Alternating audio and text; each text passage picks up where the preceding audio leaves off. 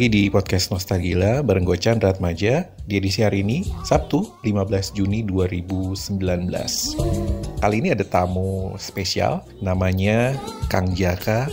Dan Kang Jaka ini akan cerita banyak mengenai pengalaman dia sebagai buruh migran. Baik, langsung aja kita kenalan dulu sama Kang Jaka. Halo Kang Jaka, apa kabar? Halo, kabar saya baik. Eh, Nama saya Jaka. Saat ini saya berkecimpung di dunia pendidikan. Meskipun sekarang uh, berkecimpung di dunia pendidikan, Kang Jaka ini punya pengalaman menarik sebagai tenaga kerja Indonesia atau buruh migran di Arab Saudi. Kang Jaka, apa sih yang melatar belakangi sehingga uh, memutuskan untuk oke, saya berangkat ke Arab Saudi?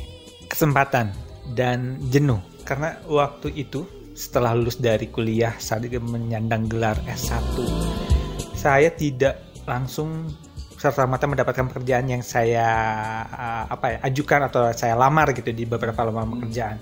Ada proses begitu panjang karena beberapa waktu itu masih concern banget pengen banget kerja di si bank dan waktu itu melamar ke beberapa bank BUMN. Ada beberapa yang panggilan, ada yang sampai tes ke daerah Kanwil. Namun setelah enam bulan itu nggak ada kabar sama sekali. Dan tiba-tiba ada tawaran untuk bekerja ke Arab Saudi ya tanpa dipikir panjang lagi gitu. Apa, kenapa enggak gitu untuk diambil? Ya akhirnya dan dengan proses yang legal tanpa mengeluarkan biaya ya akhirnya diambil tawaran untuk bekerja di Saudi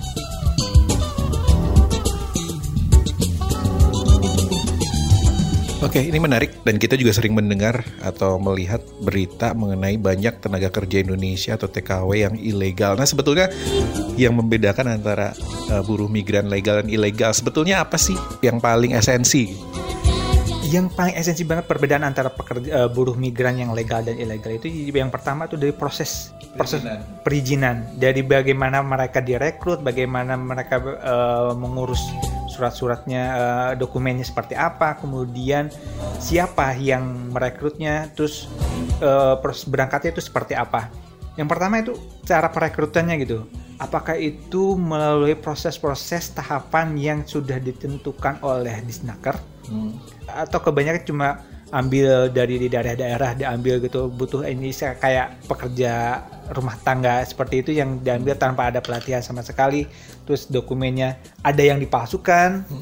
Kebanyakan ada beberapa agensi atau PJTKI yang melakukan eh, markup usia yang seharusnya masih di bawah 17 tidak tidak diizinkan di eh, didaftarkan usianya udah 20 21 itu salah satu contoh yang bentuk eh, proses rekrutmen yang ilegal Si skill dari tenaga kerjanya sendiri jadi nggak jelas ya. Ya itu, kalau mereka tidak dibekali ya, tidak ada pelatihan resmi. Kalau legal tuh pasti ada, se- de- yang resmi. berarti ya untuk legal sendiri pasti eh, pelatihan itu Ada, harus wajib. Ada pelatihan, ada beberapa bulan atau ada kelas-kelas tertentu yang harus mereka lewati gitu. Apakah itu dari tentang hospitality atau eh, Tergantung ya. tergantung permintaan. Hmm. Ternyata memang tidak mudah juga ya untuk bisa berangkat dan bekerja di luar negeri sebagai buruh migran. Mau nggak mau kita harus punya bekal yang eh, sesuai dengan pekerjaan yang akan kita geluti di sana. Dan harus dipastikan untuk kalian yang berencana eh, bekerja di luar negeri mengikuti jalur yang legal. Baik, itu untuk masalah perizinan. Nah, untuk adaptasi sendiri kan eh, kondisi antara Indonesia dan Arab Saudi juga sangat-sangat jauh berbeda. Nah, apa proses apa sih yang yang dirasakan paling aduh ini eh, cukup berat untuk dilalui, Kang Jaka? Pertama bahasa. Karena kita emang sehari-hari waktu di Indonesia tidak pernah melakukan penggunaan bahasa Arab yang sehari-hari full 24 jam percakapan bahasa Arab. Walaupun pernah belajar sebelumnya tentang bahasa Arab, tapi ada masa-masa adaptasi bagaimana penyesuaian penggunaan bahasa kata dengan lawan bicara seperti apa. Karena dalam bahasa Arab sendiri pun ada macam-macam dialek gitu. Sama seperti bahasa Inggris juga. Sama seperti bahasa Inggris, bergantung negara mana gitu yang eh, yang menggunakan bahasa Arab tersebut. Itu yang pertama paling ketara gitu di dalam penggunaan bahasa. Yang kedua adalah cuaca. Ini yang paling paling berasa banget gitu cuaca. Karena di sana cuacanya panas panas banget bisa sampai 50 atau 55 derajat Celcius kalau lagi musim panas. Dingin bisa dingin banget, bisa minus berapa derajat. Hanya berangin seperti itu gitu dari di musim dingin. Ya itu yang yang yang paling ketara banget. Dari penggunaan bahasa, budaya seperti itu, kemudian eh, cuaca. Nah, untuk proses adaptasinya membutuhkan waktu berapa, berapa lama hingga akhirnya terbiasa? cukup lama ya waktu itu. Kurang lebih ada 3 sampai 4 bulan untuk penyesuaian itu. Karena butuh proses setiap orang pasti ber- ber- berbeda-beda ya kondisinya gitu untuk dalam eh, penyesuaian eh, di tempat baru terlebih kalau saya punya riwayat eh, sensitif dengan kulit jadi ada beberapa treatment tersendiri gitu dalam menyesuaikan supaya eh, nyaman bekerja di sana Baik, kita juga pengen tahu budaya orang Arab ya kita dengar selentingan di Indonesia keras lah atau galak atau kejam atau seperti apa ya yang yang kita dengar negatif. Nah, kita konfirmasi ke Kang Jaka tapi sebelum ke sana nikmati dulu lagu yang berikut ini.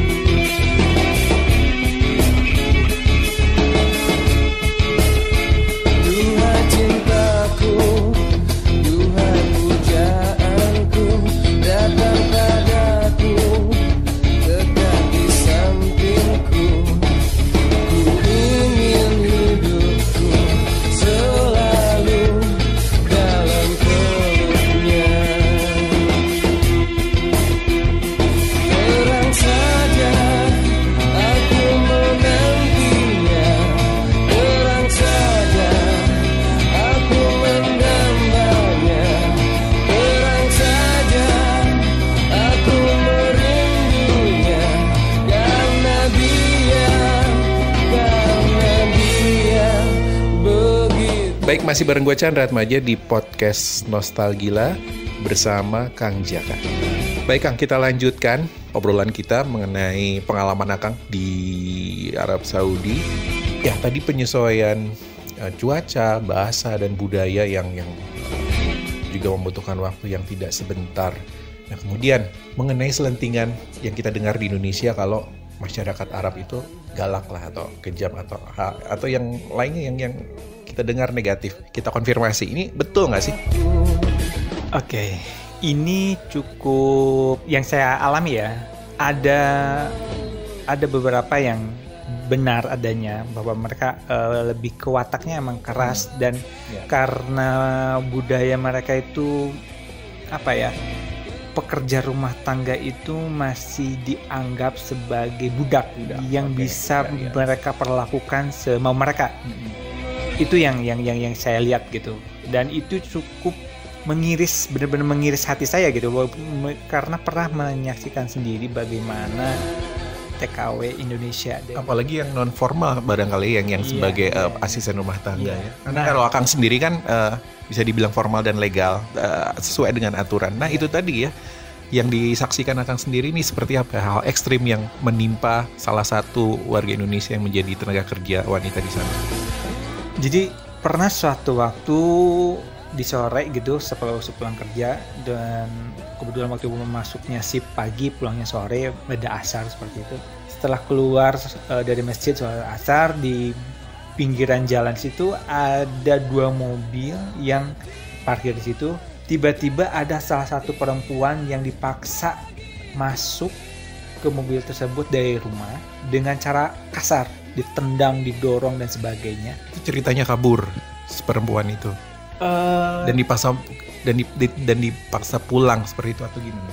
jadi setelah di- saya, saya perhatikan beberapa saat, bertanya ke beberapa orang yang ada di situ, ternyata ART ini adalah pekerja ilegal yang eh, kedokumennya tidak lengkap, tetapi dia seperti diperjualbelikan di, Di sana. di sana. Maksudnya diperjualbelikan itu adalah eh, satu majikan ini dulu dia beli ke agensi harganya berapa, kemudian dia ingin jual lagi Lebih mahal. lebih mahal ke rumah kemajikan yang lain gitu. Hmm. Tapi caranya yang kasar gitu. Itu itu memang seperti budak dong ya. iya, iya, iya waktu itu emang diperlakukan seperti budak layaknya budak yang yang yang sudah dibeli dan bebas mau diapain aja Iya, gitu. iya. eh, Padahal itu sebenarnya nggak boleh, dilarang itu. Nah, ada aturan sendiri ada aturan nggak sebenarnya untuk eh, warga Arab Saudi sendiri untuk memperlakukan buruh-buruh migran seperti ini? Apakah ada aturan yang memang mereka juga harus mengikuti itu gitu? Yang jelas aja ya waktu itu kita tidak mempunyai peraturan yang begitu ketat yang, yang begitu melindungi para buruh migran kita yang bekerja di luar negeri. Itu yang eh, yang kita ketahui dan kita akui itu bahwa benar gitu. Berbeda dengan para buruh migran yang dari negara-negara Asia lainnya seperti Filipina dan sebagainya. Filipina itu justru lebih ketat banget gitu. Mereka dikasih jam kerjanya jelas sehari 8 jam. Itu untuk ART. Ya. Kemudian dalam seminggu ada libur satu hari mereka saklek gitu. Pemerintahan Filipina saklek gitu. Me- melindungi eh, warganya yang bekerja di di Saudi atau di negara mana pun yang eh, harus menyesuaikan ya peraturan yang mereka buat gitu. Walaupun mereka eh, apa banyak banget menyalurkan warganya untuk bekerja di luar negeri. Berbeda dengan pekerja kita dulu sampai sekarang mungkin perlindungan terus cara apa rekrutmennya sangat sangat eh, banyak yang harus dibenahi Jadi eh, berita-berita yang kita saksikan di televisi atau di internet tentang kejadian-kejadian buruh migran di Arab Saudi yang mendapat perlakuan tidak baik ternyata benar adanya. Tetapi juga kita nggak fair kalau ngomongin negatifnya mulu. Ada dong eh, hal-hal positif yang apa ya, yang yang bisa menjadi contoh. Enggak kok di Arab Saudi juga ada buruh-buruh migran yang dihargai. Ada nggak sih, Kak? ada lah ada banyak yang yang pertama itu adalah bagaimana proses eh, buruh migran itu berangkat di sana Berarti kembali ke awal, kembali kembali ke awal, betul. Ya, kembali ke awal bagaimana itu eh, seorang warga Indonesia bisa eh, bekerja ke luar negeri itu prosesnya seperti apa? apakah mengikuti aturan yang ada prosesnya seperti apa Jadi harus ada edu- edukasi dulu buat warga warga kita sebelum berangkat malah harus Iya. ada edukasi. Nah, iya. Edukasi bahwa ikutilah jalur yang benar agar di sana juga jelas dan terlindungi. Iya betul.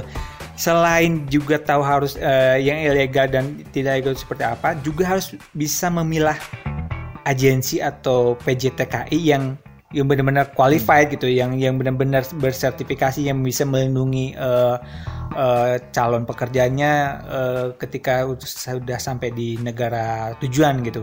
Mereka dari awal harus dibekali pelatihan dan sebagainya, terus dokumennya benar-benar resmi tanpa ada yang ditambah-tambahin atau tanpa ada yang dikurangin, kemudian sertifikasinya lengkap gitu. Kalau misalkan ada eh, ART pekerja rumah tangga ada eh, skill-skill tersendiri yang harus di apa dikuasai, kemudian atau misalkan eh, ada semacam apa selain skill itu juga pelatihan bahasa ini yang yang yang bahasa itu cukup cukup krusial sebenarnya bekerja di luar negeri itu harus menyesuaikan dengan bahasa satu negara tersebut gitu Termasuk belajar kultur mereka juga ya. iya itu satu paket lah pembelajaran bahasa dan budayanya eh, negara tujuan Baik.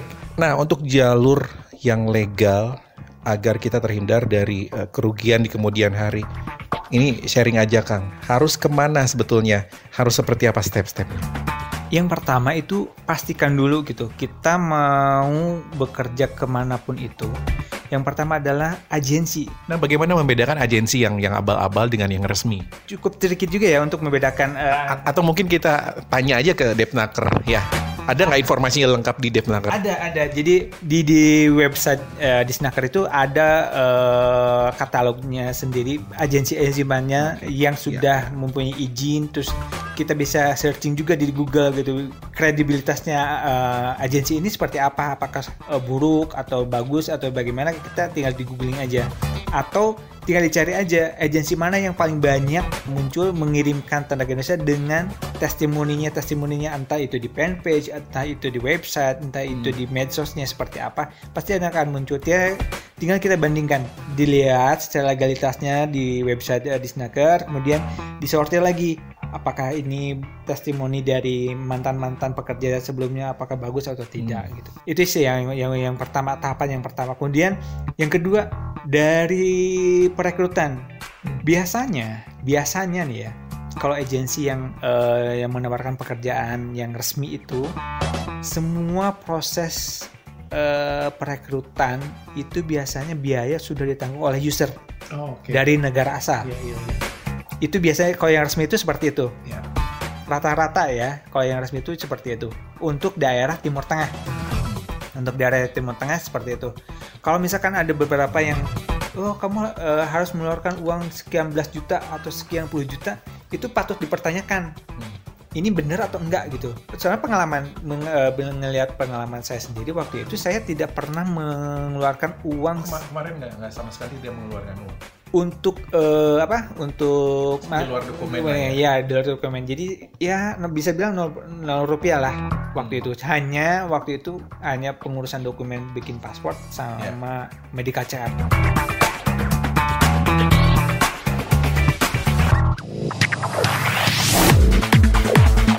Dengerin podcast Nostalgila setiap hari Sabtu bareng gua, Chandra Atmaja.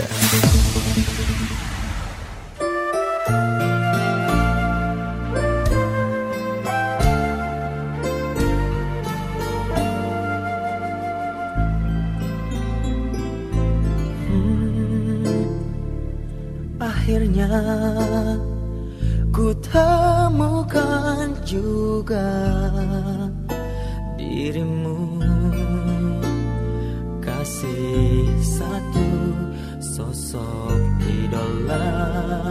Mhm. Oh cintaku bersemilah sudah. Hasratku membara. Ayahku melayang jauh tinggi Mengapa tidak sejak dulu Mengapa tidak sebelumnya Saat kau sendiri punah asa sudah Kang, sering kita juga mendapatkan informasi kalau TKW yang pulang dari bekerja di sana dipalakin di bandara. Ini bener nggak sih kasus-kasus seperti ini? Ya emang ada beberapa oknum pekerja di bandara yang eh, melakukan tindakan seperti itu. Dulu dulu banget se- sebelum 2010 atau 2009 itu ada jalur khusus untuk para pekerja untuk kalau yang baru pulang gitu. Nah, waktu itu ah, ternyata di situ nyatanya bukannya ah, memberikan perlindungan bagi mereka supaya pulang dengan aman gitu. Ada beberapa oknum yang melakukan eh, intimidasi atau eh, penawaran-penawaran supaya eh, proses keluarnya cepat atau lancar ya mereka harus memberikan imbalan beberapa rupiah seperti itu. Atau ada yang mengajukan oke untuk pulang menggunakan travelnya dia gitu. Ada kasus yang seperti itu tapi itu tidak ber apa Tidak dominan.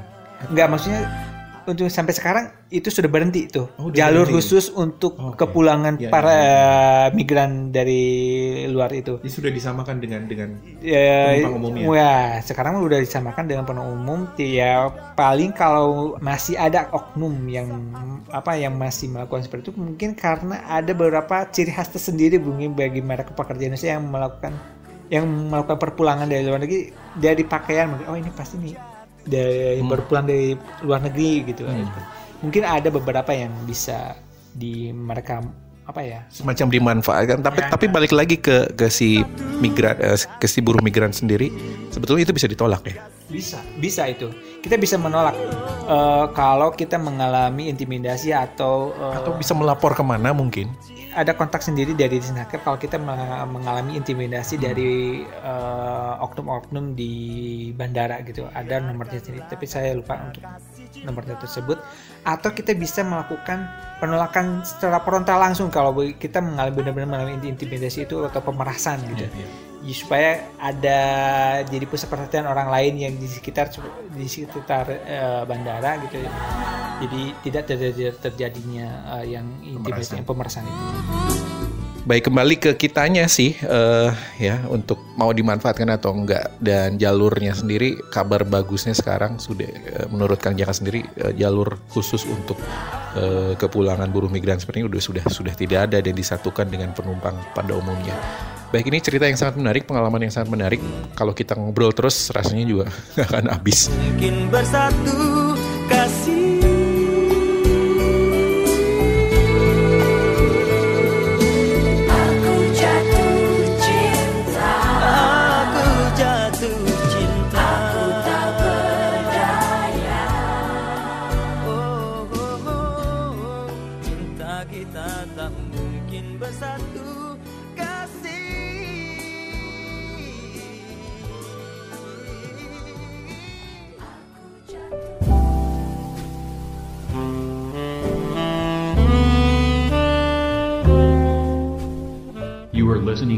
Podcast Nostalgia.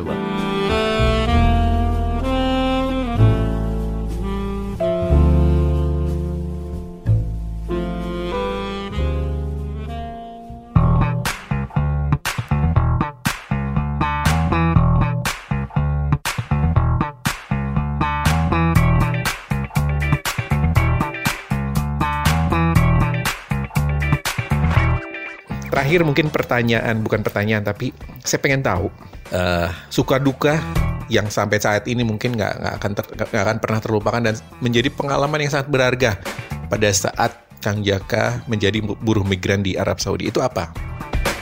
yang pertama drama. Jadi ini yang sampai sekarang tuh tidak pernah lupa atau yang sangat nyesek banget kalau eh, kalau saya itu diingat jadi waktu pertama eh, berangkat itu ceritanya. Saya flashback ya ini waktu waktu proses keberangkatan ke Arab Saudi itu seperti apa. Jadi kan enam bulan sebelumnya itu saya udah beberapa kali atau mengajukan lamaran ke beberapa bank BUMN dan sudah ada beberapa yang melalui tes tahapan seleksi sampai ke tingkat wilayah di Jawa Barat untuk bank BUMN. Tapi setelah yang terakhir itu tidak ada kabar sama sekali sekitar dua bulanan waktu itu. Nah, waktu itu di saat saya mau berangkat sudah boarding, sudah ada di Garbarata tinggal masuk ke pesawat. Ada telepon dari pihak bank bahwasannya saya diterima di bank itu dan besok lusanya saya harus ke Bandung untuk mengikuti pelatihan. Udah masuk dong itu sebenarnya. Udah setengah masuk. Udah saya masuk, tinggal tinggal masuk pelatihan selesai. Itu dilemanya antara ini gimana Pasti. ini ini udah udah masuk di Garbarata nih tinggal masuk duduk tinggal duduk di kursi pesawat bisa aja waktu itu ah yaudah tinggal pulang aja keluar gitu Betulnya bisa. bisa aja Tanggung jawab ya ke sana. Eh, iya. Tapi pertimbangan waktu itu kalau saya mangkir dari eh, apa eh, panggilan kerja yang ke ini nanti saya harus mengembalikan semua biaya yang perlu udah dikeluarkan oleh agensi waktu itu. Kurang lebih sih 5, 10 atau 15 juta waktu itu. Itu dilemanya bener-bener ya. Ini seperti adegan sinetron sih. Iya, sampai nyesek itu ya homesicknya 3-4 bulan itu bukan bukan hanya karena uh, budaya ba- ba- cuaca, gitu. tapi itu tadi ya. itu juga salah satu faktor yang membuat saya jadi homesick yang berlarut-larut itu itu salah satu dukanya uh, waktu itu kerja ke Arab Saudi yang kedua duka yang kedua itu menyaksikan sendiri bagaimana TKW Indonesia diperlakukan sangat tidak manusiawi Banyakkah di sana jumlahnya? Waktu itu hanya satu yang yang benar-benar saya, sa- saksikan yang di luar kebiasaan kita. Ya sangat tidak manusiawi lah. Bagaimana seorang perempuan ditendang dimasukkan ke mobil terus dikeluarkan dimasukkan lagi ke mobil yang lain. Sementara saya waktu itu tahu bahwa itu orang Indonesia dia si ibu itu meminta tolong tolong tolong tahu itu berarti orang Indonesia. Tapi saya tidak waktu itu tidak bisa berbuat apa-apa. Iya. itu yang bikin menyesal gitu karena waktu itu kenapa saya tidak bisa melakukan apa-apa? Karena itu saya baru beberapa bulan di situ satu atau dua bulan kemudian saya tidak tahu harus gimana melapor ke mana ke mana. Jadi dan waktu itu pun saya hanya orang Indonesia sendiri yang menyaksikan. Itu. dia di area situ. Jadi kebanyakan orang orang luar Mesir India dan Orang luar sendiri cuek melihat kejadian. ya mereka pun sama dengan kita iya, membuat apa- mau membuat siapa, apa sih ya. gitu kita di sini juga sama pendatang Iya, tidak iya. bisa berbuat apa-apa itu dua yang dua duka lah bisa dibilang yang cukup eh, berasa untuk bahagianya senangnya ke di sana ya ya sebagai muslim apalagi sih kebahagiaan tersendiri ketika berada di rumah Allah Nah itu di, di kota Mekah saat itu. Kebetulan waktu itu saya di kota Riyadh, di ibu kotanya eh, Arab Saudi. Ya cukup lama lah kalau ingin ke Madinah atau ke Mekah kurang lebih melakukan perjalanan darat itu 8 jam waktu itu. Jauh, lumayan jauh juga ternyata. Iya, cukup jauh. Cukup jauh 8 jam, 6 sampai 8 jam waktu itu. Ya, itulah kebahagiaan yang tak terhingga lah ber- selama bekerja di Arab Saudi bisa melakukan ibadah yang Itu yang yang Salah sulit tergantikan. iya, yang iya, iya. Priceless lah ya. ya priceless yang tidak semua warga Betul. Indonesia bisa melakukannya gitu. Baik Kang, terakhir ini saran buat barangkali yang berencana ingin menjadi buruh migran di, khususnya di Arab Saudi. Apa saja yang harus dipersiapkan agar terhindar dari hal-hal yang tidak diinginkan? Oke, yang pertama harus kita harus tahu dulu minatnya bekerja di mana, disesuaikan dengan latar belakang pendidikan kita. Diusahakanlah kalau untuk be- bekerja pertama itu yang related dengan Ya. background pendidikan kita Betul. gitu supaya eh, apa eh, jenjang karirnya ke depan itu lebih mudah. Jangan eh, ambil semaunya yang penting ini ada kerja kerja kerja gitu, tapi tidak melihat eh, bagaimana eh, untuk ke depannya proses karirnya seperti apa. Itu yang pertama. Yang kedua pelajari negara tujuan seperti apa yang kita inginkan. Misalkan ada tawaran bekerja di mana di Timur Tengah negara mana karena setiap negara Timur di Timur Tengah pasti beda-beda Hmm. eh culture-nya, kemudian peraturannya pasti beda-beda. Dipelajari geografinya, letaknya seperti apa, terus budayanya seperti apa, pangkatannya seperti apa, terus aturannya seperti apa. Berikut selanjutnya adalah sudah mempelajari itu semua, dipilih nih agensi mana nih yang bisa menawarkan pekerjaan di negara yang kita inginkan. Agensinya sudah kita pelajari apakah dia itu legal, apa itu qualified dari eh, perekrutannya seperti apa, dilihat track recordnya seperti apa. Itu yang utama sih. Kita pelajari diri kita sendiri bagaimana minatnya di mana, terus negara tujuannya seperti apa. Kemudian kalau udah ada tinggal mencari agensi mana nih yang bisa eh, memberikan memfasilitasi kita untuk eh, bekerja di sana. Yang jelas harus legal ya. Yang harus harus legal. Yang pasti Leg- itu harus legal semuanya. Baik. Sangat-sangat menarik dan menambah knowledge kita ini seputar uh, kehidupan buruh migran. Thank you Kang Jaka sudah sharing pengalaman bekerja selama kurang lebih 2 tahun ya. Iya, kurang lebih 2 tahun dari 2010 sampai 2012 akhir. Dan banyak hal yang menjadi apa ya pengalaman hidup yang sangat berharga ya. Tentunya, tentunya, tentunya banyak banyak banyak banyak eh, pengalaman yang sangat berharga sekali selama bekerja di sana. Thank you Kang Jaka, semoga kita bisa sharing lagi di obrolan yang lain karena Kang Jaka ini juga profesinya adalah sebagai pengajar. Nah, mungkin di sesi lain kita bisa ngobrol nanti tentang bagaimana cara mendidik apa ya, mendidik anak atau ngasih pendidikan seks yang baik seperti apa. Nah, ini akan sangat menarik karena tentunya ngasih pendidikan seks pada anak juga tidak bisa serta merta vulgar ya. Harus sesuai dengan eh, apa ya daya nalar mereka. Baik terima kasih ya sudah mendengarkan podcast nostalgila edisi minggu ini. Oke gue Chandra Maja undur diri dulu. Bye bye